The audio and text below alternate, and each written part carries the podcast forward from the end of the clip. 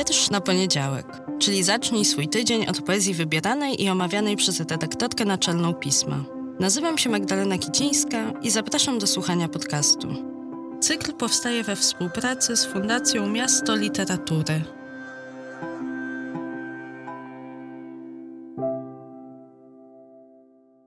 Cześć, dzień dobry, dobry wieczór. Witam Was w pierwszy listopadowy poniedziałek. I w poniedziałek, który nie jest takim o sobie zwykłym poniedziałkiem, bo 1 listopada, niezależnie od tego, czy w coś wierzycie, czy nie, kulturowo w tym miejscu, w którym przyszło nam żyć i się urodzić, przynajmniej się urodzić, bo może żyjecie gdzieś zupełnie indziej, ale to polskie, jak nie mam, jest waszym językiem i dlatego między innymi jesteście tutaj to kulturowo jakoś ten dzień poświęcamy zmarłym, przynajmniej okolice tego dnia. Nie wiem, czy ten dzień, bo celowo unikam słowa święto, czy ten dzień lubicie, czy nie. Ja akurat na swój sposób lubię, choć lubię to może nie jest dobre słowo. Na pewno to nie jest taka zwykła data, taki zwykły dzień. Dla mnie to jest okazja, żeby zatrzymać się przy stracie, od lat nie spędzam tego dnia na cmentarzach, ale jak wam chyba już tutaj mówiłam, a może nie, nie tutaj, gdzieś to wyznawałam, ale ja na cmentarzach bywam nomen omen nie od święta. Bywam na nich często. Jakkolwiek dziwnie to nie zabrzmi, lubię cmentarze, lubię na nich być. Zresztą mam nawet o tym wiersz, który zaczyna się od słów jeśli spacer to tylko na cmentarz i to jest prawda o mnie, że bardzo często właśnie kiedy chcę zabrać myśli, kiedy za kimś, kogo nie ma zatęsknię, to wybieram się na cmentarz, niekoniecznie na ten cmentarz, w którym są szczątki osoby, za którą tęsknię, ale to jest jakoś dla mnie ważne miejsce. Cmentarz jako pojęcie, jako idea, niekoniecznie jakiś jeden konkretny. Więc chodzę na nie często, ale 1 listopada omijam te zatłoczone. Lubię tam być w kolejnych dniach listopada, kiedy jeszcze w powietrzu wisi ten zapach, który nie wszyscy lubią, przekwitłych chryzantem i dopalających się zniczy. A w zeszłym roku, kiedy kto to jeszcze pamięta, że cmentarze były zamknięte? No ale wtedy, kiedy cmentarze były zamknięte i kiedy masowo kupowaliśmy chryzantemy od sprzedawców i sprzedawczyń, żeby jakoś pomóc wyrównać im straty związane z tym nagłym zamknięciem miejsc pochówku, ja się wybrałam, chociaż wybrałam to jest bardzo niedobre słowo, pojechałam do obozu zagłady w Tereblince i tam zostawiłam jedną z donic z chryzantemami. A dziś odwiedzę inne zapomniany żydowski cmentarz i pomyślę o tych, których nie ma.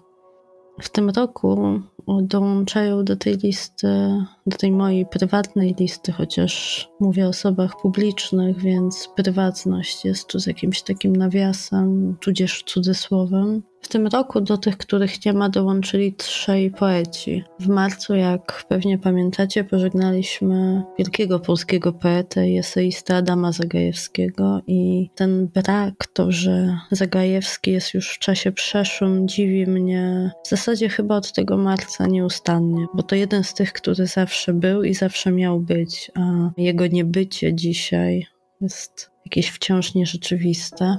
W maju umarł Paweł Szwed, kultowy wydawca i niewielu o tym pamięta, ale też poeta, który publikował swoje wiersze na początku lat 90., między innymi w Respie a którego wiersze po śmierci przypomniał m.in. na swoim facebookowym profilu Paweł Dunin-Wąsowicz. To jest publiczny post, więc możecie tam zajrzeć, przeskrolować i do wierszy Pawła Szwadea dotrzeć, a ja myślę, że nagram kiedyś o jego poezji oddzielny odrębny odcinek. Zresztą o jego śmierci dowiedziałam się, kiedy nagrywaliśmy z Kubą w czwartek pod koniec maja podcasty i to była tak poruszająca wiadomość, że musieliśmy się umówić na nagranie później.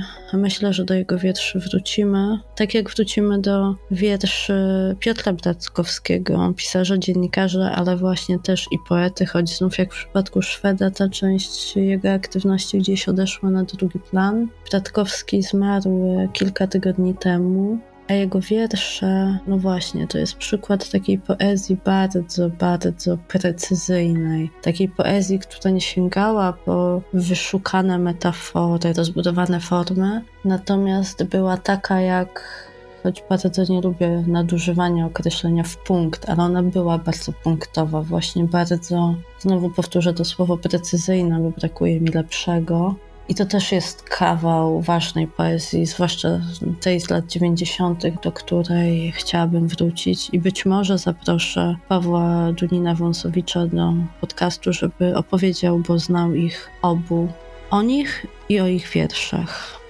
Ja sobie dzisiaj je poczytam, ale zrobię to dla siebie po cichu, bo wierzę, że będzie jeszcze okazja, by opowiedzieć o nich publicznie, ale pewnie dlatego, że to są tak świeże, niedawne odejścia i braki, to chyba jeszcze muszą sobie we mnie pobyć po cichu. A kiedy myślałam o tym, jaki wiersz dzisiaj Wam przynieść, to przyglądając różne teksty, które publikowaliśmy w piśmie, chyba jakoś tak dłużej zatrzymałam się przy tekście z października sprzed dwóch lat, z 2019 roku, wierszu Tadeusza Dąbrowskiego, który nie wprost dotyczy tego, o czym jest dzień taki jak dziś, ale i dotyczy, bo krąży wokół tematu, który nam ten pierwszy listopada mocno iluminuje. I z tym wietrzem Tadeusza Dąbrowskiego Was dzisiaj zostawiam. Trzymajcie się ciepło i jeżeli wyjdziecie gdzieś na jakiś cmentarny spacer, to zaszalikujcie się mocno, bo, bo wieje jak to w początkach listopada potrafi bardzo mocno. Trzymajcie się ciepło. Tadeusz Dąbrowski. Ojciec odchodzi. Czyta Leszek Zduń. O szyby deszcz dzwoni. Deszcz dzwoni jesienny. Pszczoła krąży nad kwiatem na Turcji, a mój ojciec odchodzi.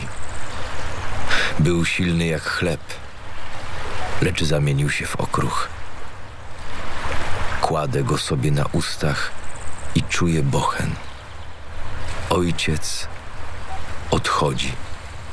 Myślałem, że odwróci się jeszcze, by zobaczyć, czy patrzę. Ale on twardo szedł na swoich kruchych nogach, z łopoczącą flagą serca. Czekałem, aż się obejrzy, lecz chyba się bał, że zobaczę, jak płacze. A może po prostu coś pociągało go bardziej.